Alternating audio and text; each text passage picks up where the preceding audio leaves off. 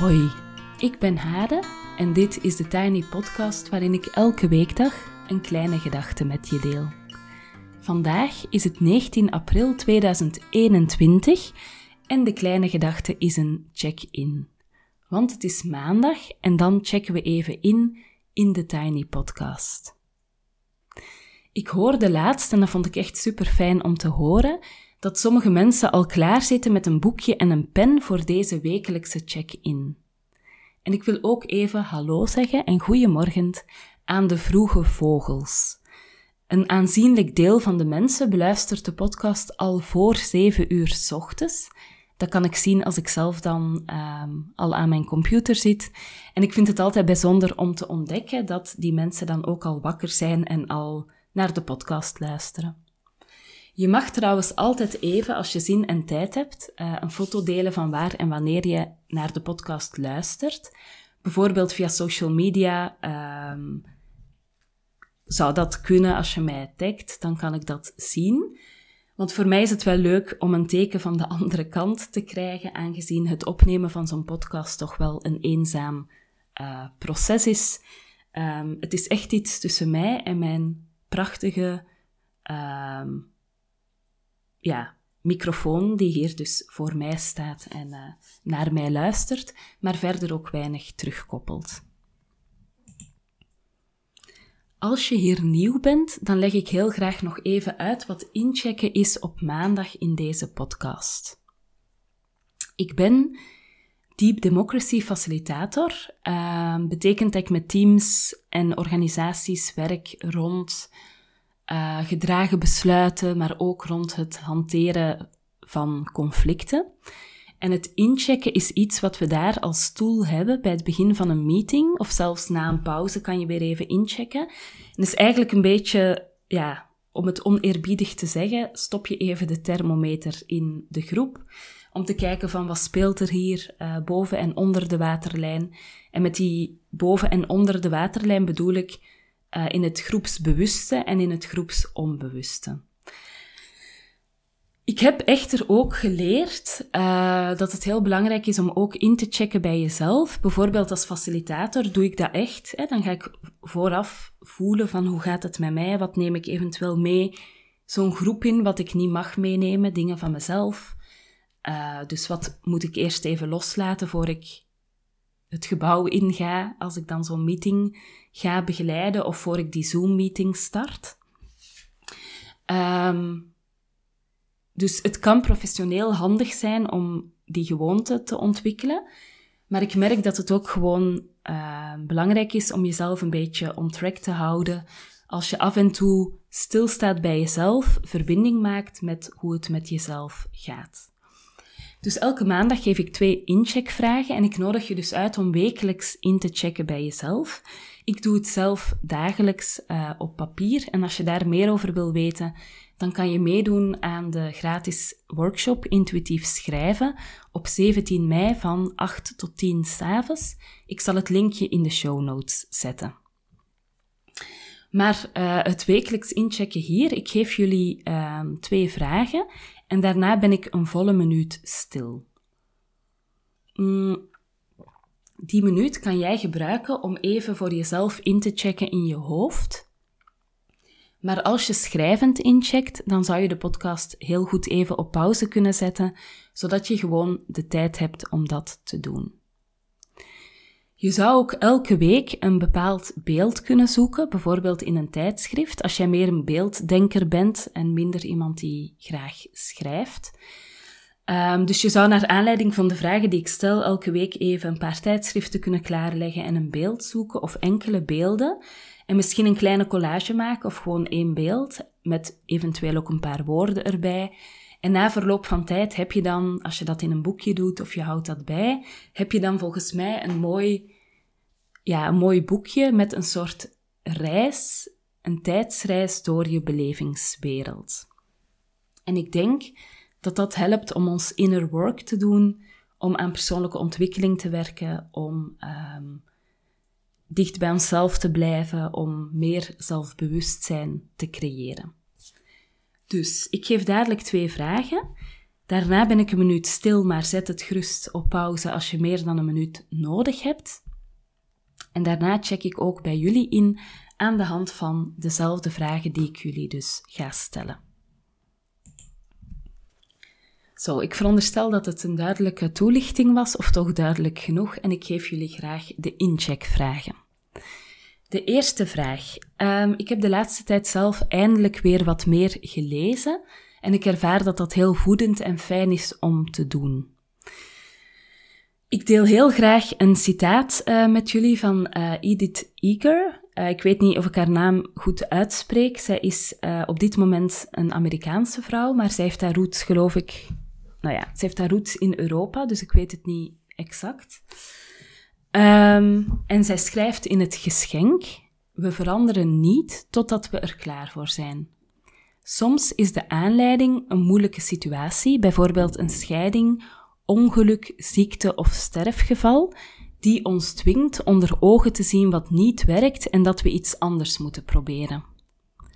Soms worden de pijn binnenin ons en de onvervulde verlangens zo luid en volhardend dat we deze niet langer kunnen negeren. Maar ergens klaar voor zijn komt niet van buitenaf. Daar moet je de tijd voor nemen en je kunt het niet afdwingen. Je bent er klaar voor als je er klaar voor bent.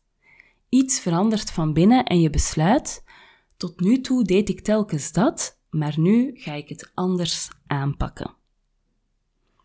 De vraag die ik bij dit citaat aan jou wil stellen is: wat is er van buitenaf dat druk op jou uitoefent, momenteel om te veranderen?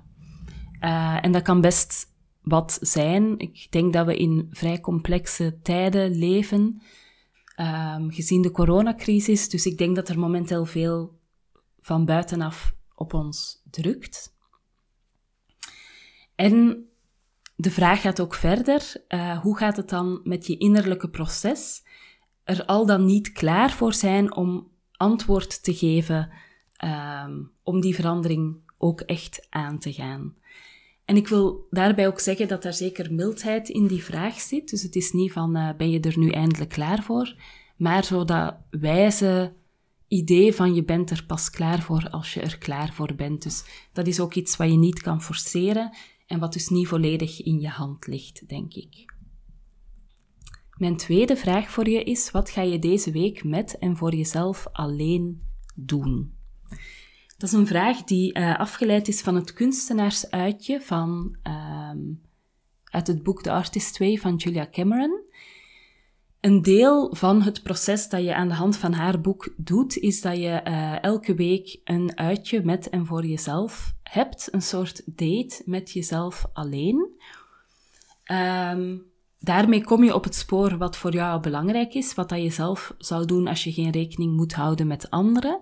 Maar haar idee is ook, um, en ik heb dat zelf ook ervaren, dat je enkel tijd besteedt aan mensen die dat waard zijn. Dus je gaat niet op date met om het even wie. Je gaat op date met mensen die je belangrijk genoeg vindt.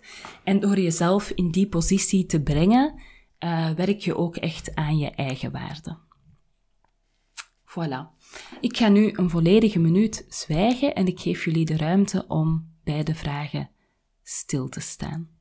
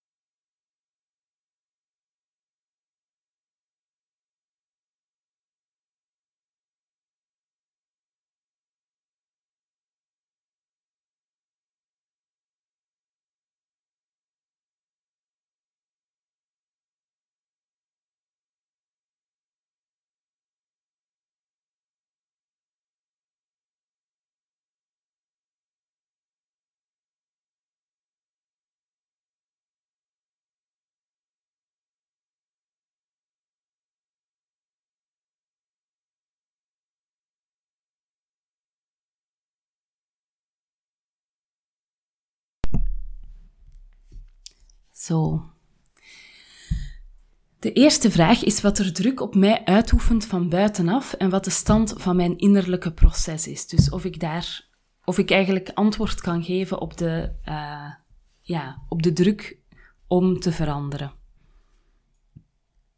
Het is een, ja, een torenhoog cliché, maar voor mij blijft het echt de balans tussen werken en zorgen die, ja, waar toch nog echt iets mee aan de hand is en waar ik een verandering in wil doormaken.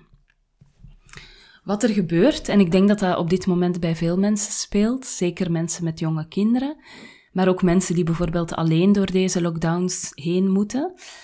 Uh, maar wat er bij mij gebeurt, is dat er veel omstandigheden zijn thuis. Dus denk maar aan lockdowns, onderbreking van school, onderbreking van kinderopvang en de laatste twee weken ook allerlei ziektes, waardoor er heel veel aandacht naar uh, thuis gaat. En dat is geen geplande aandacht, maar het is echt brusk schakelen en het stuur echt om moeten gooien telkens. Daartegenover staat dan dat ik op zaterdag en zondagochtend naar kantoor ga om te doen wat er moet gebeuren, in plaats van gezellig uh, aspergesoep te maken en terwijl mijn kinderen lekker aan het spelen zijn. Um, dus ik voel dat alles dan een beetje door elkaar heen gaat lopen. Uh, ik zit dan bijvoorbeeld ook, nog zo'n voorbeeldje, ik zit dan uh, in een ziekenhuisbed met een ziek kindje dat eindelijk in slaap is gevallen. En dan ligt mijn telefoon dus net buiten mijn handbereik. En dan zit ik dus op zeer subtiele wijze te proberen om toch mijn telefoon te pakken. Om dan bijvoorbeeld een meeting die nog gepland staat die dag, om die nog even te verplaatsen. Of om bijvoorbeeld mijn mails daar even te lezen, want dat ziekenhuisbezoekje was uiteraard uh, niet gepland. Dat was een soort urgentie. Maar ik merk dat ik dan niet daar gewoon in dat moment kan zijn, maar dat ik echt dan zeg maar, die telefoon ligt daar dan ook. En ja, ik, ik ben dan toch bezig met schakelen tussen het moment en ja, wat er verder daarbuiten ook allemaal nog uh, bestaat. Wat mijn innerlijke verandering betreft, uh, ik heb het idee dat ik nog te weinig ademruimte heb door telkens dat snel en brusk schakelen, uh, om een keer zo goed in een ritme en een evenwicht uh, te vallen. Maar ik denk dat ik mijn angst echt moet loslaten om dat te kunnen doen. Um, angst dat ik het niet ga redden met mijn bedrijf als ik niet voortdurend werk, of als ik het een tijdje loslaat. Angst om te mislukken ook. Ik werk vanuit liefde, niet vanuit angst. Ik werk echt vanuit liefde en met heel veel plezier. Maar ergens is er wel zo'n soort ondertoon van angst voor mislukking, angst voor tekort om niet genoeg te verdienen om mijn rekeningen niet te kunnen betalen. Um, waardoor ik moeilijk in het moment kan zijn soms en moeilijk um, mij kan overgeven aan wat het gezin van mij vraagt. Daarover gesproken, ik kreeg een uh, prachtige kaart van mijn vriendin Kathleen en ik ga even een fragmentje voorlezen. Ze beschrijft um, in de derde persoon, beschrijft ze mij zoals ze mij ziet en ervaart. Ze schrijft: Dit is een verjaardagskaart voor de vrouw die niet beseft wat voor een enorme impact ze heeft op het leven van anderen. Een vrouw die waarschijnlijk niet zo hard aan zichzelf zou twijfelen als de omvang van die impact zichtbaar was. Een vrouw wiens zelftwijfel en drang om steeds het beste van zichzelf te geven aan de basis liggen van die impact, want alles wat ze doet is oprecht en in overeenstemming met haar waarden die ze zorgvuldig uitgekozen heeft.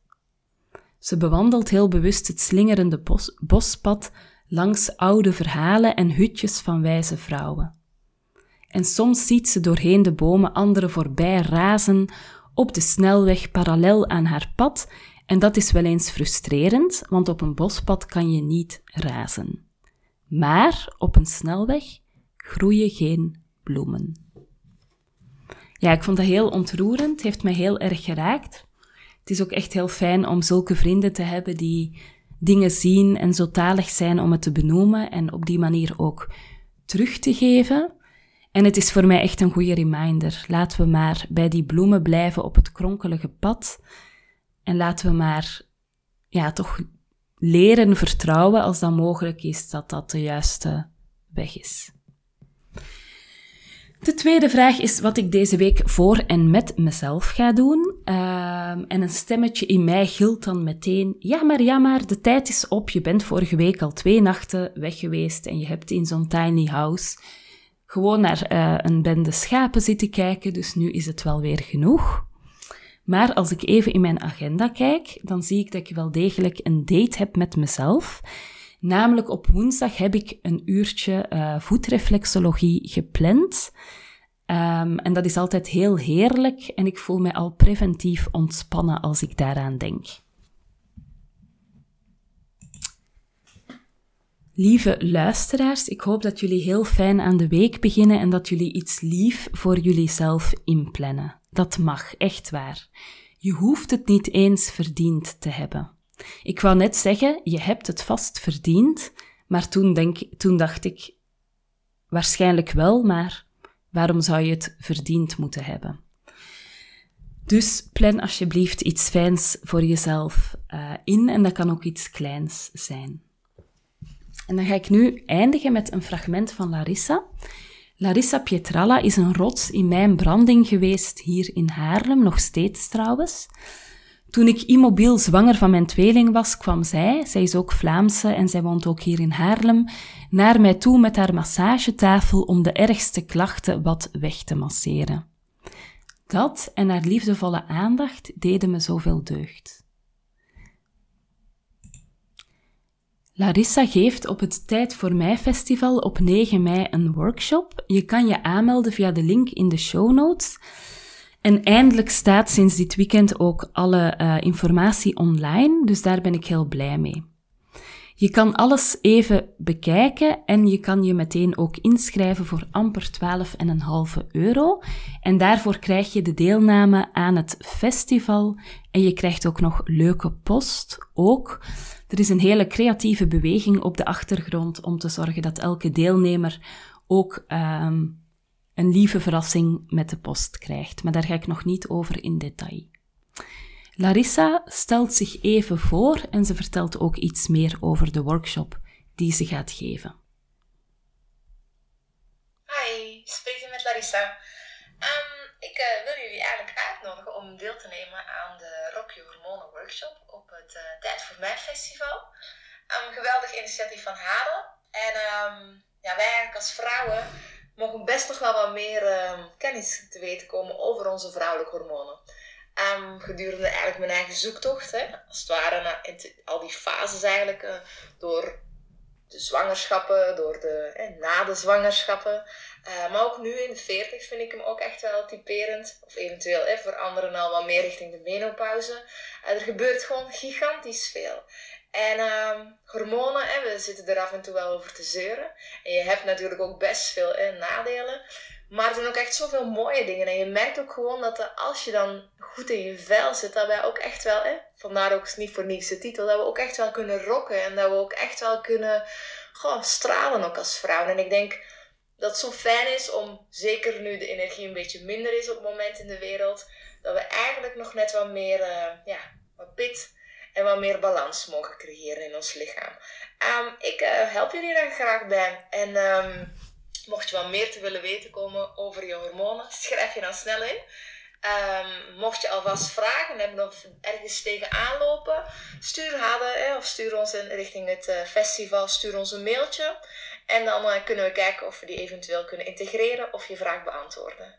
Hey, graag tot dan. Doei! Voilà. Um, Larissa geeft een van de vier workshops op het Tijd voor Mij festival. En zoals ik al gezegd heb, uh, kan je um, via de link in de show notes kan je alles even nalezen. Tot zover voor vandaag. Je kan me volgen op Instagram, TheTinyPodcast. Als je je abonneert via bijvoorbeeld Google of Apple Podcast, dan zie je vanzelf uh, telkens de nieuwste aflevering verschijnen in je overzicht. Dus dat is handig, hoef je alleen maar even op te klikken, niks meer uh, zoeken. Uh, maar hoe meer abonnees, hoe, hoe meer vindbaar de podcast ook weer is voor andere mensen. Ik zou het enorm fijn vinden als je deze podcast doorstuurt naar één iemand uit jouw omgeving, waarvan je denkt van, goh, die moet die podcast ook horen, want die gaat daar zeker iets aan hebben. Uh, en hem delen op social media helpt natuurlijk ook altijd. Um, in deze tijd is er superveel mogelijk. Um, we zijn eigenlijk allemaal met elkaar verbonden via al die netwerken en al die socials. Uh, en op die manier kunnen jullie voor mij echt van betekenis zijn uh, om mijn missie. Um, en dat is dat ik anderen wil ondersteunen in hun persoonlijke ontwikkeling. Um, om mijn missie mee te helpen realiseren. Door bijvoorbeeld deze podcast te delen. Dank je wel alvast. Ik wens jullie een fijne dag en heel veel goeds en graag tot morgen.